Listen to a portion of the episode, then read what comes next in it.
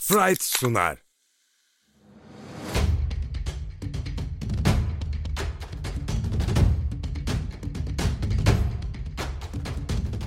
Top yalan söylemez. Avrupa'nın parke zeminlerinden seken zamansız sohbetler. Hazırlayanlar Uğur Ozan Sulak, Ahmet Çakı, Yiğiter Ulu.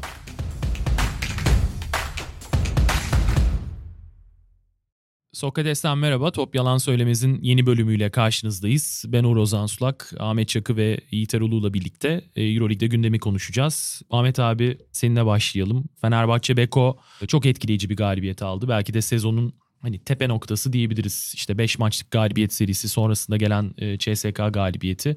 Tabii biz bu programı çekerken henüz e, Makabi maçı e, oynanmamış durumda. Aynı şekilde Anadolu Efes'in de Kızılyıldız maçı oynanmamış durumda ama yani CSK galibiyeti geçerliliğini çok uzun süre koruyacak bir galibiyet sonuç olarak. Senin çıkarımların neler Moskova deplasmanında? Şimdi Fenerbahçe ile CSK'nın oynadığı her maç zaten ayrı şekilde değerlendirilen ve sezonda da bir prestij sağlayan maçlar. O anlamda da deplasmanda bu maçı kazanmak gerçekten belirleyici bir şeydi Fenerbahçe Beko adına. Bir de ilk maçı bence Fenerbahçe Beko kendi evinde kazanmıştı. Kazanılan bir maç Will Clyburn'un çok ekstra bir oyunuyla birazcık da ufak tefek şanssızlıklarla kaybedilmişti. Onun üzerine de gidip deplasmanda bunu almak ve yeni Fenerbahçe, yeni sezonun başından itibaren başlayan iyi başlangıç, düşüşler, sakatlıklardan geri çıkıp işte kulübün koçunun arkasında kalmasıyla takımın tekrar bir araya gelmesi, Veseli Dekolo'nun e, üst seviyeye çıkması ve Guduric'in ilavesiyle beraber bence çok önemli bir sınavdı ve bu sınavı da maçın başından sonuna kadar çok pozitif ve enerjik oynayarak e, yani koçundan bench'ine oyuncularına kadar bunu özellikle Dekolo ve Veseli'nin ilk kez ilk kez bir maçı bu kadar isteyerek oynadığını gördüm ben. Yani her maçta iyiler özellikle son 5-6 maçtır ama Dekolo herhalde CSK'dan ayrıldıktan sonra orada bir mesaj vermek istedi diye düşünüyorum. Basketbol tarafına gelecek olursak CSK kısa oyunculuğu, kısa oyuncuların yaratıcılığı üzerine çok oyunu kurmuş bir takım. Her ne kadar Şengelya ve Militinoğlu içeride oynasalar da dışarıda kısalar skor atamadığında tıkanan bir takım. Mike James'in de o gün sanırım belli oldu oynayıp oynamayacağı bir sakatlığı da vardı.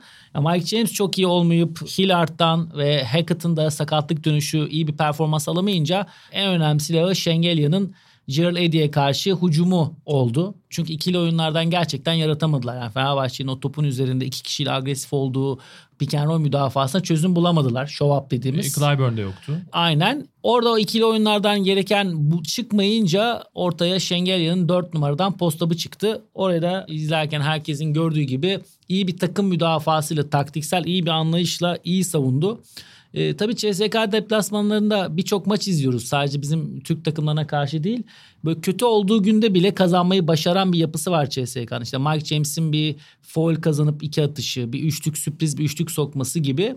Orada da özellikle maçın bitimine 4 dakika kala bir 5 sayı mağlupken direncinin kırılmamasını sağlamak Fenerbahçe Beko'ya çok güzel bir enerji verdi. Ve orada da maçın sonunu Dekolo ve Gudur için iyi iki karar vermesiyle çok güzel bir şekilde bitirdi. Yani gelinen noktada ondan önceki oynanan ve galibiyet serisiyle sonuçlanan maçtan üzerine güzel bir ileriye gidiş oldu. Yani o galibiyetlerin üzerinde çıktı. Yani Fenerbahçe Beko'nun bu şekilde yükselişi bizi tabii ki mutlu etti. Neden? Çünkü çok önemli rakipleri var playoff yolunda. İşte Baskonya, Maccabi, işte birçok takımla bu yarışa girmişken işte Bayern Münih, Zenit de oraya koyabiliriz. Bu tür bir galibiyetle bir gövde gösterisi de diyebiliriz. Bir e, artık herkes Fenerbahçe Beko'nun orada bir ilk 6'da bir yerlerde olabileceğine dair bir algı oluştu. Oynayacağınız maçlarda önce Euroleague'de böyle bir gücü, böyle bir güveni alarak oynamak önemlidir. Ben o anlamda e, çok değerli bir galibiyet olduğunu düşünüyorum. Yiğiter abi sen ne söyleyeceksin? Bu galibiyet Fenerbahçe'nin sezonu açısından e, bakıldığında pek çok açıdan özel anlamlar içeriyor bence. Birincisi yani birkaç hafta geriye gidelim. Yani yılbaşı civarı ya da Aralık ayının ortalarına gidelim. Camianın genelinde hani bu neredeyse artık kayıp bir sezon e, olarak görülüyordu. Fenerbahçe'nin buradan daha ileriye gitmesi belki biraz yükselebilir ama takımın playoff'a girmesi konusundaki umutlar çok cılızdı. Kokoşkov tartışılır hale gelmişti. Acaba doğru mu, doğru bir koç mu seçtik diye. Ve o noktadan takımın yenilgilerinin galibiyetlerinden e, çok çok fazla olduğu o noktadan buraya geldik. Yani yaklaşık bir ay içerisinde mükemmel bir çıkış grafiği. Gene aynı dönemde tartışılan oyuncular Nando De Colo ve Veseli gibi bu takımın temel taşları, lider oyuncularıydı. Yani hücumdaki lideriyle savunmadaki lideri de tartışılır hale gelmişti. Bir kere bu tartışmalara nokta koyan bir galibiyet oldu deplasmandaki CSK galibiyeti. Hem takımın 5 haftadır sürdürmüş olduğu galibiyet serisine bir touch olarak eklenmiş oldu üstüne. Hem camiaya inanılmaz bir e, moral ve inanç verdi. Hem de takımın kapasitesi konusunda yani önümüz sezonun geri kalan kısmında takımın neler yapabileceği konusunda bir ölçü oldu.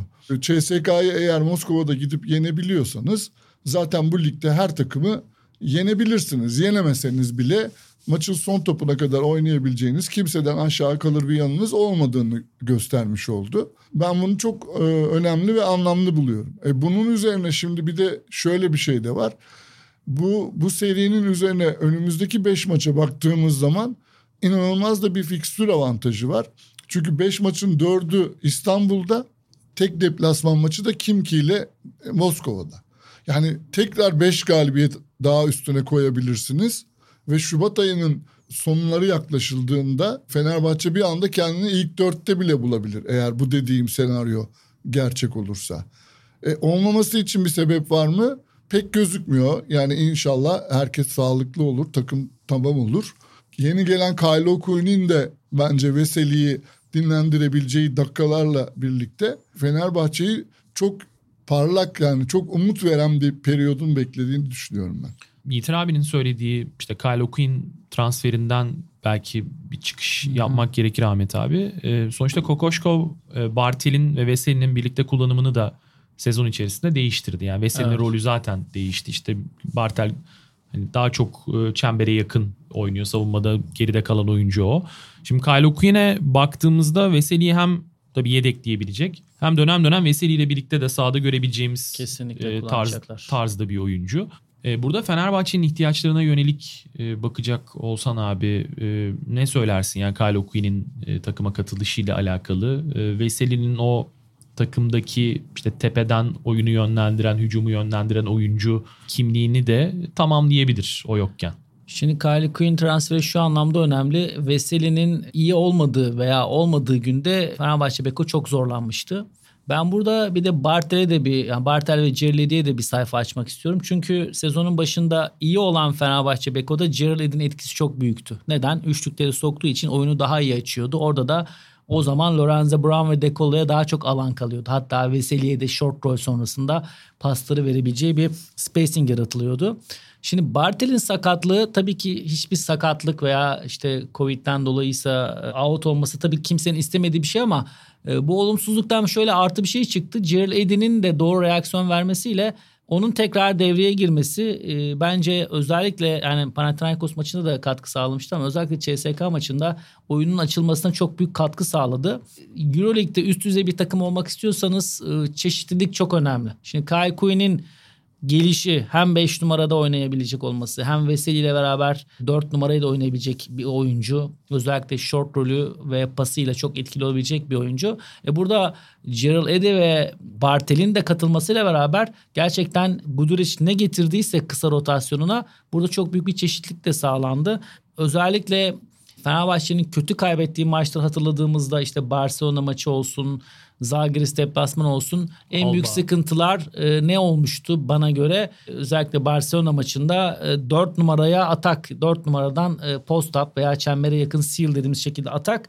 E şimdi mesela CSK maçında bunu takım müdafasıyla savuşturmayı başarıp Üzerine de hücumda bunu avantaja çevirdi. Direkt Jared soktuğu şutları kastetmiyorum direkt olarak. Devamında Dekolo ve Gudur içinde hatta Lorenzo Brown'un da o alanı doğru kullanmasına olanak sağladı.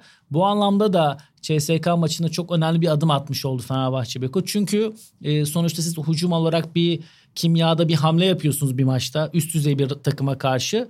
Onun zaaflarını da kapatmak koç olarak sizin göreviniz. Ama buna da takımın reaksiyon verip adapte olması lazım. İlk kez bir üst düzey takıma karşı böyle bir e, taktiksel olarak da büyük bir üstünlük sağladı. Defensif taktiksel olarak.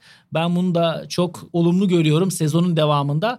Bir de orada Ahmet'in de ufak bir sakatlığı oldu sanırım. Bunun da kaynakla bunun da neden olmasıyla beraber bir 3 dakika kadar bir 5 kısa da gördük. Hani en son Zeli Korbo'da 3 döneminde gördüğümüz bir ama o biraz daha böyle 5 kısa yapıp 2 dakika böyle bir mismatch'ten atak için. Burada sadece Veseli ve Dekolo'yu dinlendirmek için kullanıldı. Yani galibiyet çok önemli bir adım attığı gibi takıma güven, etrafa, diğer takımlara mesaj olduğu gibi taktiksel anlamda bir çeşitlilik de getirdi koç Igor Kokoşkova. Yiğiter abi yani Kyle O'Quinn parantezine devam edeyim. Ee, şimdi sonuçta NBA'de bir rol oyuncusuydu. Enerjisiyle ön plana çıkan e, bir oyuncuydu ama Avrupa'ya bu tarz oyuncuların geldikten sonra daha farklı kimliklere bürünebildiğini gördük. Örneğin kısa bir dönem olsa da Tab- Tabo Sefaloş'a mesela Fenerbahçe'deki kariyerinde hani NBA'deki profilinin e, çok daha başka bir e, yerindeydi. Şimdi Kyle O'Quinn e, aslında mahir bir oyuncu denebilir pozisyonunda. Yani evet dışarıda böyle çok ciddi bir şut tehdidi yok ama iyi bir orta mesafesi var. İşte pas özelliği fena değil. Yani belki de hakkı teslim edildiğinden daha iyi pas özelliği. Ve bu tarz yani NBA veteranlarının Avrupa'ya geldikten sonra sonuçtaki o NBA'deki role ek olarak daha farklı takım içerisinde yer almak istediklerini de biliyoruz ki bu doğal da bir durum yani eleştirilebilecek bir şey olarak söylemiyorum. Ha, sen nasıl bakıyorsun Kylo Quinn'in e, buraya gelişine? 4 aylık bir kontrat. İlk kez oynayacak Avrupa'da. Şimdi Kylo Quinn özelliğindeki bir oyuncunun bu kadar uzun süre e, NBA'de kalabilmiş olması aslında hani onun ortalamanın üzerinde bir basketbol zekasına sahip olduğunu, basketbol IQ'sin sayesinde bu kontratları aldığını gösteriyor bence. Çünkü Kylo Quinn NBA kriterlerinde uçan kaçan çok atlet bir oyuncu değil. Yani orada NBA'de uzunlarda en çok bakılan atletik özelliklerin yarısına sahip değil. Ama kulacı çok geniş 2.25. Dolayısıyla atletizmdeki eksikliğini hani kollarıyla pek çok yere yetişerek kapatabilen e, bir oyuncu.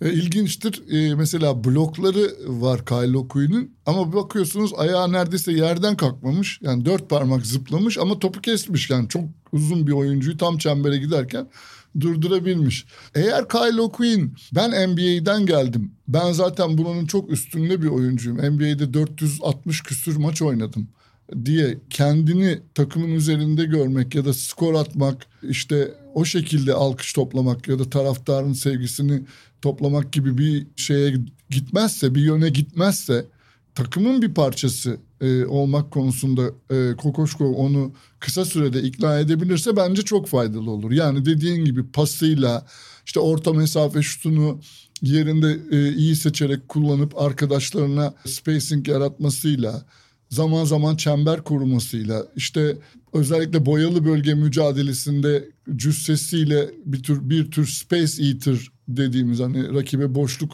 e, bırakmayan bir savunmacı rolüyle bunlar hep Fenerbahçe'ye artı yazar. Ama Kyle O'Quinn e, eğer ben burada skor atayım e, NBA'den geldim onlar zaten benim 20 sayı atmamı bekliyor mantalitesine girerse o zaman takıma e, yararından fazla zararı olur diye düşünüyorum ben. Ben Kyle ilgili bir şey eklemek istiyorum. Şimdi Fenerbahçe Beko'da şu an e, bir kurtarıcıya ihtiyaç yok. Nedir o? İşte geçen sene mesela Malcolm Thomas transfer edilmişti hiçbirinden ne Löwen'den işte Vesel'in sakatlığından memnun olmadığı için gelip hemen bir performans bekliyordu. Bence burada e, böyle bir transfer olması çok olumlu Fenerbahçe Beko adına. Çünkü tamamlayıcı rolde geliyor. Yani gelip işte Veseli'yi de backuplayabilir. Yayına da oynayabilir. Short rolde oynuyor. Pası da o, o verebilir. Ve NBA'den gelecek bir oyuncunun sezon içinde adapte olması Euroleague'e gerçekten kolay değil ama bunu yapabileceği e, en iyi yer belki Fenerbahçe Beko. Neden? Koç çünkü bu anlamda bu adaptasyonu sağlamış bir koç. Bu konuda çok yardımcı olacaktır. Ya ben Kylie Quinn transferini çok olumlu bulma nedenim. Şu anda işler çok kötü giderken gelsin hemen topu da verelim bize 20 sayı atsın gibi beklentiyle alınmadı. Yani en iyi transfer tamamlayıcı transferdir sezon içinde. Ben buna çok inanıyorum. Yani olanı daha iyi yapmak adına yapılan transfere ben çok inanırım.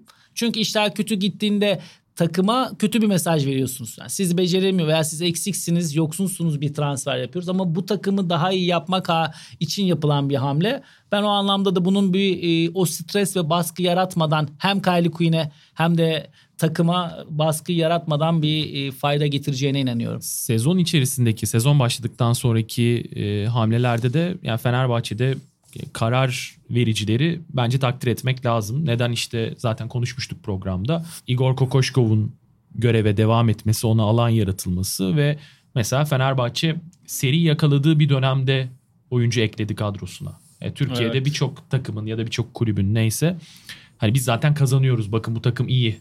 Bu takıma ekleme yapmamıza gerek yok. Ama Ama Beşiktaş arayışlar maçı başladığında Evet. hani Johnny Hamilton'ın e, gideceği ve yerine bir uzun bakılmaya Ama- başlandığı zaman daha bu seri başlamamıştı. Ama E, işte seri geldikten sonra da şu yapılabilirdi yani hani E, biz böyle iyiyiz. biz Ama böyle iyiyiz Türkiye Ligi'nde kaybedilen Beşiktaş maçı onu çok net ortaya koydu. Yani Veseli'nin kadroya alınmadığı bir Türkiye Ligi maçında işte o gün bir şanssızlık da oldu tabii. İşte Ulanovas sakatlandı. Johnny Hamilton e, Teknik diskalifiye out oldu. oldu. Ahmet tek başına kaldı. O da foul problemine girince artık kötü günde yani Veseli'nin olmadığı veya kötü olduğu günde buna çok büyük ihtiyaç olduğuna çünkü orada kilit oyuncu Bartel'di. Bartel'in de olmaması yine diyorum sakatlık veya bu yeni Covid-19'dan kaynaklı durum bazen negatif bir oyuncunuzu kaybediyorsunuz ama Gerald Eddy örneğinin tekrar devreye girmesi ve Bartel'in yokluğunda Veseli'yi de tolere edemediğinizi görüp böyle bir hamle yapmak bence bütün bu negatiflikleri artıya çevirerek çıktı Fenerbahçe Beko buradan.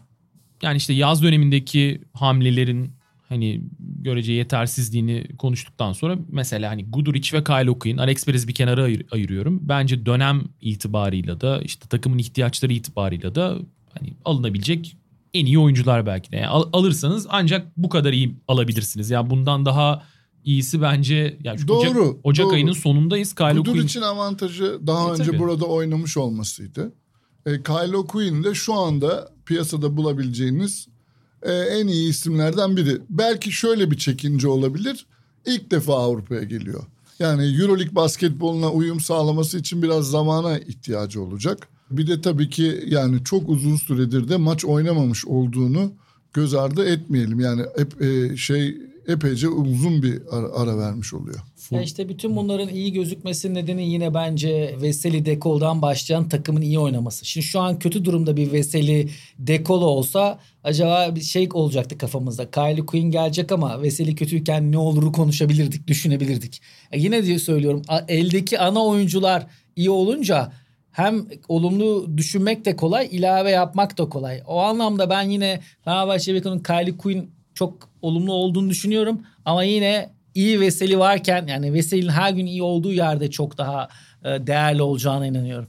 Sprite sorusuna geçerken Yiğiter abinin e, Eyvah. dediğine de ek yapayım. Mesela Furkan, yani sevgili Furkan Korkmaz, Kyle O'Quinn'le hani birlikte oynamıştı. O da çok olumlu konuştu. Biz biraz sohbet ettik geldiğinde. E, şey dedi ama tam senin dediğinin üstüne.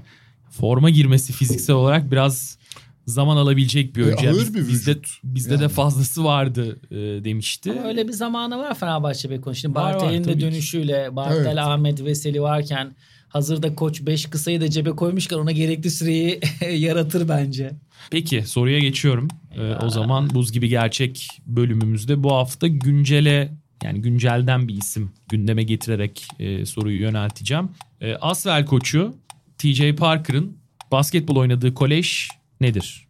Valla çok Oo, çok arkadaş zor soru. arkadaşımız çok iyi bir oyuncu olmadığı için onu bilemeyeceğim ben yani. Her, her, lise, yani lise öğretmenimiz sıfırcı Ayla vardı kimya öğretmeni onu Hani hatırlatırsın. Ama- Yasikevicius'un oynadığı koleji sorsa anladık da yani Ama TJ Parker'ın Maryland'ı da burada bilemeyecek adam zaten. Hayır ben şunu diyorum. İter abi aslında çok yaklaşmıştı e, program öncesi bir sohbetimizde. İli, Illinois Hayır mi diyeceksin bu, bu yoksa? arada il, ilginç de Illinois, Illinois mi abi? Illinois'dan bir çıkış yapılabilir. bu arada e, yani daha Parker belgeselini de yeni seyrettim ama orada abi keşke. orada onun kolej yıllarıyla ilgili herhalde hiç şey- bir bölüm yoktu. Orada genellikle Tony Parker var abi biliyorsun. Yo, Tony, ama Tony, benim Tony, için Tony o, Parker. o belgeselin en güzel tarafı Kobe Bryant. Evet ama Yani yarım çeyrek Kobe Bryant belgeseli gibi ve onu, onu orada görmek beni tekrar mutlu etti Parker'dan ayrı olarak. Neyse çok dağıttık konuyu bilmiyorum. Ee, yani şimdi sağ Illinois, bunu nasıl zaman Illinois, civar, Illinois civarında bir okul sallayıp da şey yapmayalım. Northwestern. doğru. Northwestern. Illinois, e, Chicago'ya en yakın.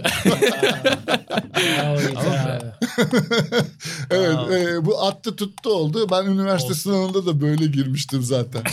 Olsun abi tebrikler. Yani bi- bi- bilginin nerede e, fayda olacağı, kullanılacağı belli olmaz. Güzeldi. Lisede Illinois'da o yüzden e, yani oradan Northwestern bir de e, akademik olarak çok iyi bir okul tabii. Ya ben bil- bildi sayıyorum itibaren Tabii ki ne olursa bildi. olsun yani. Attı tuttu diyelim. Yok Olsun. yok tabii ki bildi. Ama Evet. geçen haftaki Sprite sorusuyla ilgili sonradan bir mesaj aldım Cem Akdağ'dan. Ee, Mirko Novosel'i nasıl bilemedin şeysiyle karışık. Mirko Novosel'in burada Ataköy'deki verdiği antrenör seminerinde kendisine bir soru yöneltmiş.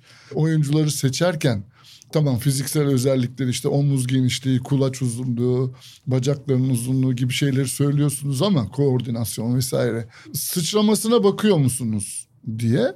Mirko Novosel'in verdiği cevap çok ilginç çünkü yıllardır Cem Akdağ da bunu unutmamış. Yani üstünden neredeyse 30 sene geçti. Biz sıçramasına bakmayız hatta sıçramasının bizim için hiç önemi yoktur. Çünkü oyuncu ayakları yerdeyken hareket edebilir, hareketlerini değiştirebilir. Ee, sıçrayan oyuncu hareketlerini değiştiremez, yönünü değiştiremez. Dolayısıyla çok sıçramak basketbolda avantaj değil dezavantajdır Evet. demiş. Bu çok ilginç geldi bana. Çünkü bugünkü NBA basketbolunu tamamen reddeden bir yaklaşım bu yani. Tabii NBA'de de ayakları yerde oynadığı için avantaj yaratan Jokic gibi çok akıllı basketbolcular var. Ama neticede atletizm sonunda hani raconu kesiyor değil mi? Evet. Yanlış mı söylüyorum? Ama onların yaklaşımı şöyle Yiğiter abi. Ayaklar yerdeyken oyunu bilen oyuncunun o çok zıplanaya, zıplayanlara karşı teknikle ve oyunu iyi okuyarak fark yaratacağına inanılan bir anlayış var. Ama o tabii şu andaki atletizmin her şeyin çözümü olduğu özellikle NBA'de tabii ki ama Avrupa'da da atletizm önemli. Çünkü adam değişmeli müdafaa istiyorsunuz. Bunun için atletizm gerekiyor. E, tabii ki karar verici ve oyunu bilmek de önemli ama tamamen atletizmi veya sıçramayı göz önünde bulundurmuyoruz. Artık çok kolay değil. Çıkış Evet, noktası evet. her ne kadar doğru olsa da artık şu anda yeterli değil diyelim. Bir de oyunun sahada yayıldığı alan iyice genişlemeye başladı. Yani oyuncuların her yerden tehdidi var artık. Yarı sahaya geçtikleri zaman neredeyse her bölgeden şut atılabilir ya da bir ikili oyuna başlanabilir oluyor. Şimdi bu kadar geniş alana yayılan bir şeyde atletizmi, enerjiyi, oyuncunun motorunu bu kadar şey yapamazsınız. E, Ettore küçümseyemezsiniz. yani. Messina'nın bununla ilgili çok güzel bir yaklaşım vardı. En son katıldığım seminerde dinlemiştim. Ee, bu semi- kliniğinde. Spacing ve timing çok önemli. Yani her şey çok önemli. Yani basketboldaki en önemli iki şey. Ama artık spacing'in daha önemli olduğuna inanıyorum NBA'den sonra demişti. Nedeni de şu oyuncular o kadar atlet ki eğer timingi kötü olsa bile müdafaada atletizmiyle gelip bir blokla onu ortadan kaldırabiliyor. Yani bu da bence ikisini üst üste koyduğumuzda e, sorunun cevabı ortaya çıkıyor. Muhakkak oyunu bilmek ve ayakların yerde olması değerli bir şey ama onu da ne kadar iyi okursanız okun onun e, karşı reaksiyonu verebilecek atletizm yeteneğine sahip oyuncular da çok fazla.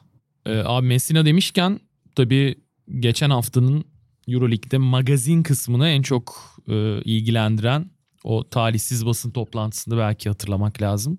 E, Bilmeyenler için işte 20 dakika civarı beklemiş Ettore Messina. Normalde kaybeden takımın antrenörü e, ilk gelir hani mevzuata kurala göre ama gelmemiş Bayern'de koç Andrea Trinchieri. O gelmeyince de Ettore Messina başlamış basın toplantısına. Orada da Bayern'de işte bizim de medya sorumlusu arkadaşımız Andreas, Andreas Burkhardt sanırım söylüyor. İşte hani sıra bizdeydi diye. Messina'nın toplantısına girip diyor ki neden hani siz çıktınız? Messina da ya ben 20 dakika bekledim. E, gelmedi kimse. Normalde kimsenin sırasını almaya niyetim yok. Almam da zaten ama kimse gelmeyince girdim ben toplantıya. Başladım toplantıya. Çok en önem veren koçlardan biridir Ettore Messina normalde. Sonrası var tabii. Yani bu kısmı işte şeye de değiniriz. Yani Andrea Trinkier için Ettore Messina'ya karşı oynadığı maçlar çok önemlidir. Özel. Çok özeldir. Çok önemlidir zaten. Ama e, işin sonrası var. E, Messina tabii küfrediyor basın toplantısında. Yani e, iyi uçuşlar diyor ama hani sadece iyi uçuşlar demiyor. Sonra da Bayern resmi Twitter hesabından otobüsle olan bir fotoğrafı paylaşıyor. Yani işte biz uçağa binmedik otobüsle döndük. İşte u- yani dalga geçiyorlar e, bir nevi. E, otobüs fotoğrafını koyarak. Sonra da, Onu o, bilmiyordum ben. sonra da o tweet'i siliyor Bayern. Muhtemelen Andrea Trinchieri ne yapıyorsunuz diye e, Evet, büyütmenin de büyütmenin anlamı yok. anlamı yok. Zaten 30'u 40'ı yedik. Yani maç sonu şey bitti. Bayern böyle şeylerden beslenmeyi seven bir so- e, medya grubu var yalnız. yani işte bilmiyorum. Yani Euroleague'de tabii böyle olayları görmeye NBA'in aksine çok alışkın değiliz. Ne medya takibi hani NBA seviyesinde ne hani böyle olaylar böyle dramatize edilebilecek olayları çok fazla yaşıyoruz. O yüzden herkes bir anda üşüştü zaten. Böyle burada bir şey var, burada bir şey Evet, var diye. Çoktandır böyle bir hadise yoktu. Evet. Biraz belki de millete de iyi mi geldi bu pandemi döneminde? Ya o biraz maçla ilgili bence. Çünkü Ettore Messina bu konularda gerçekten çok etik birisi. Yani herkes e, özellikle karşı koça çok saygı gösteren birisidir ki e, o gece onun için kötü bir geceydi. Yani e, Trinçeri için kötü bir maç kaybetti.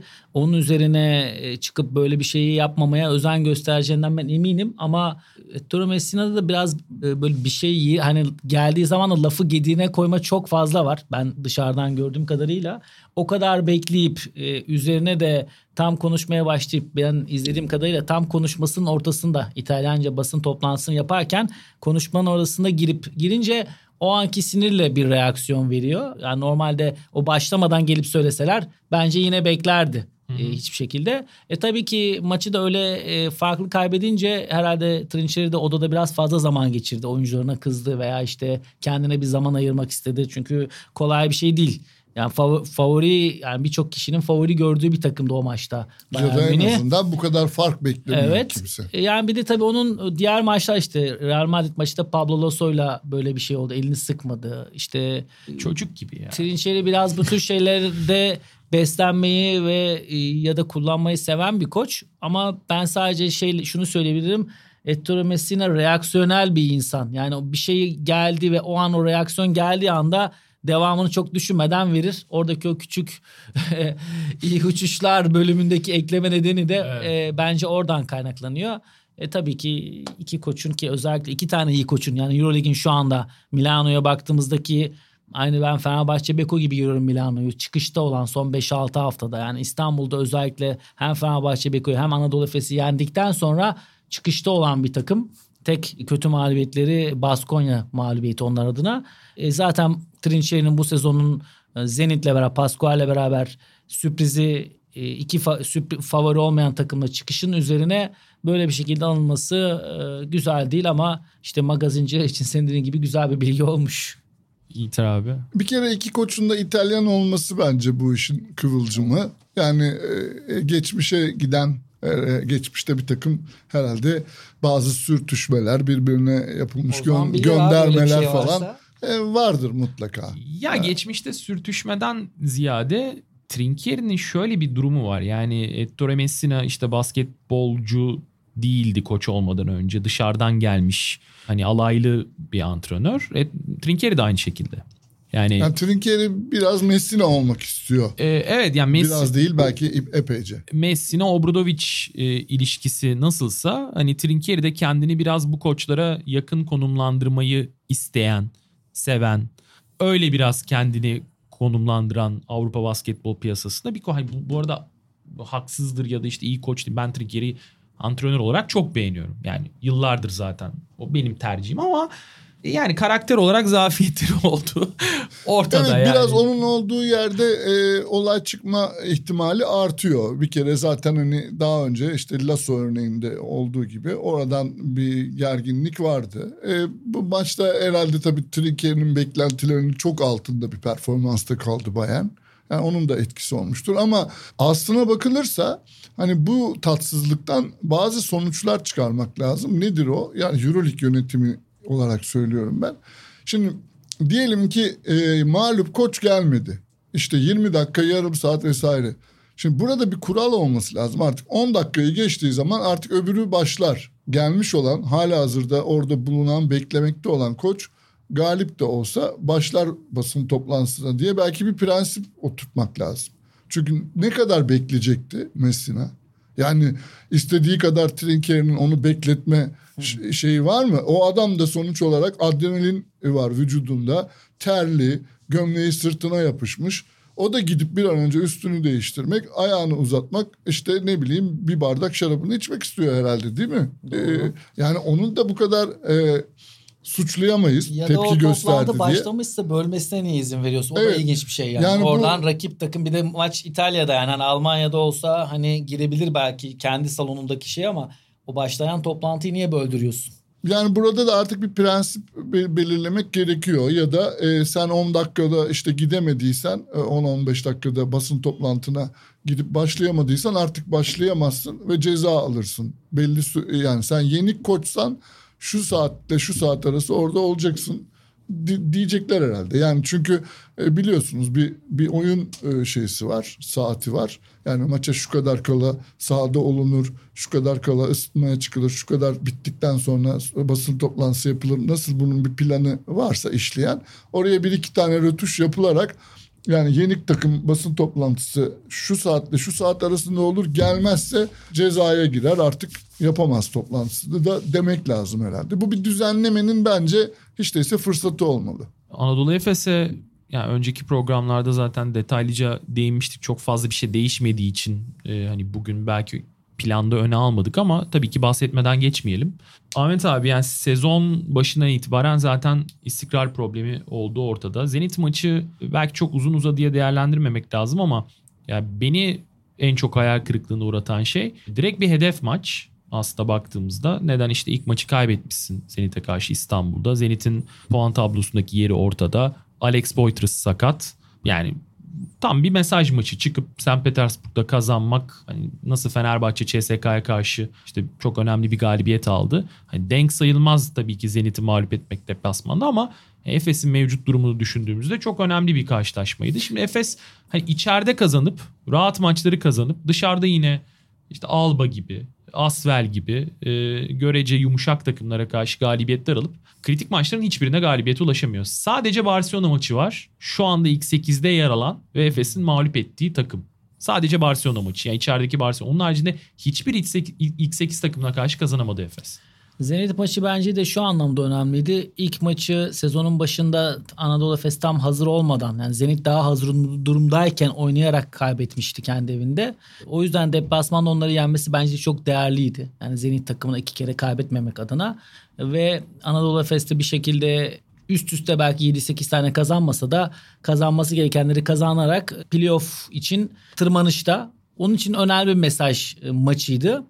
Ama maçın ilk periyotu gerçekten Zenit'in tamamen kontrolünde geçti. Yani o da Anadolu Efes'in hem top kayıpları hem de hücumda istediğini bulamayıp çok fazla kolay basket vermesiyle oldu. Ponitka'nın işte Will Thomas'ın, Pangos'un önderliğinde çok kolay sayılar buldu. Üçüncü periyotta bence güzel bir reaksiyon verdi Anadolu Efes. Orada da tam Zenit yarı sahada üretmekte o kadar tıkanmıştı ki Will Thomas'ın bir tane böyle turnaround böyle el üstü attığı bir şut var. Ben o şutu maçın kırılma anı olarak hissettim maçı izlerken. O girmeseydi bence Anadolu Efes tamamen ritmi alıp kazanacaktı. Sonunda da Pangos yine eski Zalgiris günlerindeki gibi gerçekten çok iyi yöneterek maçı kazandı. Yani kötü yanı iki kere Zenit'e kaybetmesi Anadolu Efes'in güzel yanı da yani olumlu yanı da bence ilk periyotu bu kadar kötü oynayıp devreye 20 sayılarda girip üzerine o üçüncü periyot reaksiyonu çok değerli. Keşke galibiyetle e, sonuçlanıp onu tamamen bir pozitif enerji, tamamen bir yeni seri için başlangıç noktasına dönüştürebilselerdi. Ya ben e, teknik anlamda bir tek şunu görüyorum. Misic bence formda, Shane Larkin de yükseliyor ama Shane Larkin Misic ikilisi yan yanayken o geçen yılki öldürücü durdurulamaz halde değiller. Biraz daha birbirlerinden bağımsızken daha verimli oynuyorlar gibi hissediyorum dışarıdan izlerken. Doğru. Ee, ki Anadolu Efes'in en durdurulmaz e, olduğu dönem o ikisinin sahada kalıp birbirlerini engellemeden öyle bir e, dengeli bir şekilde alan veriyorlardı ki birbirlerine. Ben onu yakaladıkları anda Anadolu Efes'in geçen yılki döneceğine inanıyorum. E bir de Simon sakatlıktan sonraki ilk maçıydı. O da çok iyi durumda değildi. Onun bence devreye girmesi önemli. Onun dışındaki bölümler Muerman geçen programda söylemiştim. Bence Anadolu Efes'te kısa basketbol oynamalarına rağmen en kilit oyuncu. O da kötü bir gündeydi. Yani gerçekten takım halinde zaten 3 sayı olarak çok kötü bir günlerindeydi. Ama Anadolu Efes bir şekilde diğer parçaları en mükemmel olmasa da belli bir seviyede olmasına rağmen Misic, Shane Larkin ikisi yan yanayken ki çünkü yani geçen sene yani çok uzak değil bir yıl bile olmadı. Real Madrid deplasmanı, Barcelona deplasmanı, Koç Ergin Ataman atıldığı maçta bile o ikili yani koçların hepsinin şey yani durdurulamıyor. İşte switchliyorsun geçiyor. İşte uzun çıkıyor onun etrafından geçiyor. Ben asıl eşiğin o e, bu ikilinin o eşeğe gelmesi olduğunu düşünüyorum. Yiğiter abi eklemek istediklerin var mı? Evet e, Mesic ile Larkin arasındaki uyum ve onun epeyce bir bozulmuş olması senin altını çizdiğin yani Efes'in iddialı takımlar üst sıralardaki takımlar karşısında aldığı sonuçlarla bence doğrudan ilişkili. Çünkü o takımlar e, bence öncelikle e, Efes'in Efes'te bu iki kısanın e, birbiriyle olan uyumunu bozmak üzere sahaya çıkıyorlar. Yani e, her takım Larkin Misic e, dişlilerini e, birbirine nasıl daha uyumsuz hale getirebilirim diye düşünerek savunma önlemlerini burada yoğunlaştırarak maça başlıyor ve bunu yapabilen takımlar bu iki oyuncuyu bozabilen, top kayıplarına iten, zor şutlara itebilen takımlar genellikle maçı Efes'ten çaldı. Yani öyle olduğunu görüyoruz. Zenit deplasmanı bunların en tipik örneklerinden bir tanesi. Çünkü o kadar kötü başladı ki maça. Özellikle Misic'in tercihlerinde. Yani Misic'in pas tercihleri kötü, tembel paslar, kötü top kullanma, Larkin'in çok kötü bir yerde topla buluşturup onun zor bir şut atmasına neden olma vesaire. Yani tamamen geçen seneki alışkın olduğumuz resmin tam tersi bir tablo vardı sahada. Sonrasında bir gayretle bir yere geliniyor ama yani diğer oyuncular devreye giriyor. İşte tek tek Misic ve Larkin sahada birbirlerinden ayrı kaldılar. Boboa, Simon devreye girdi vesaire. Ama bunlar maçı kazanmaya yetmiyor. Şimdi fikstüre baktığımız zaman Maccabi ve Barcelona deplasmanları var. Çok kritik bence bunlar öndeki adım olarak. Yani bu iki deplasmandan bir tane galibiyet getirmek lazım. Eğer 2'de 2 kaybedilirse işler yavaş yavaş tehlikeye girmeye başlıyor. Zaten Ergin Ataman'ın şöyle bir demecini okudum. 13 maçımız var. Bu 13 maçı playoff olarak görmemiz lazım. Yani playoff olarak görmek ne demek? Ben şöyle okuyorum. 7-6 en azından yani galibiyet e, diye baktığın zaman 13'ün 7'sini kazanmak en az 7'sini kazanmak 7-6 galip bitirmek gibi ki bence bu bile yetmeyebilir. Yani daha fazla kazanmak 13'te 13'te 8 kazanmak, 9 kazanmak çok daha e, hayırlı ve e, gerekli olabilir işte, e, Efes için. Ben Anadolu Efes bitirdin mi abi? Evet, Anadolu evet. Efes için şöyle bir şey söylemek istiyorum. Üçüncü periyot reaksiyonu çok önemlidir takımlarda.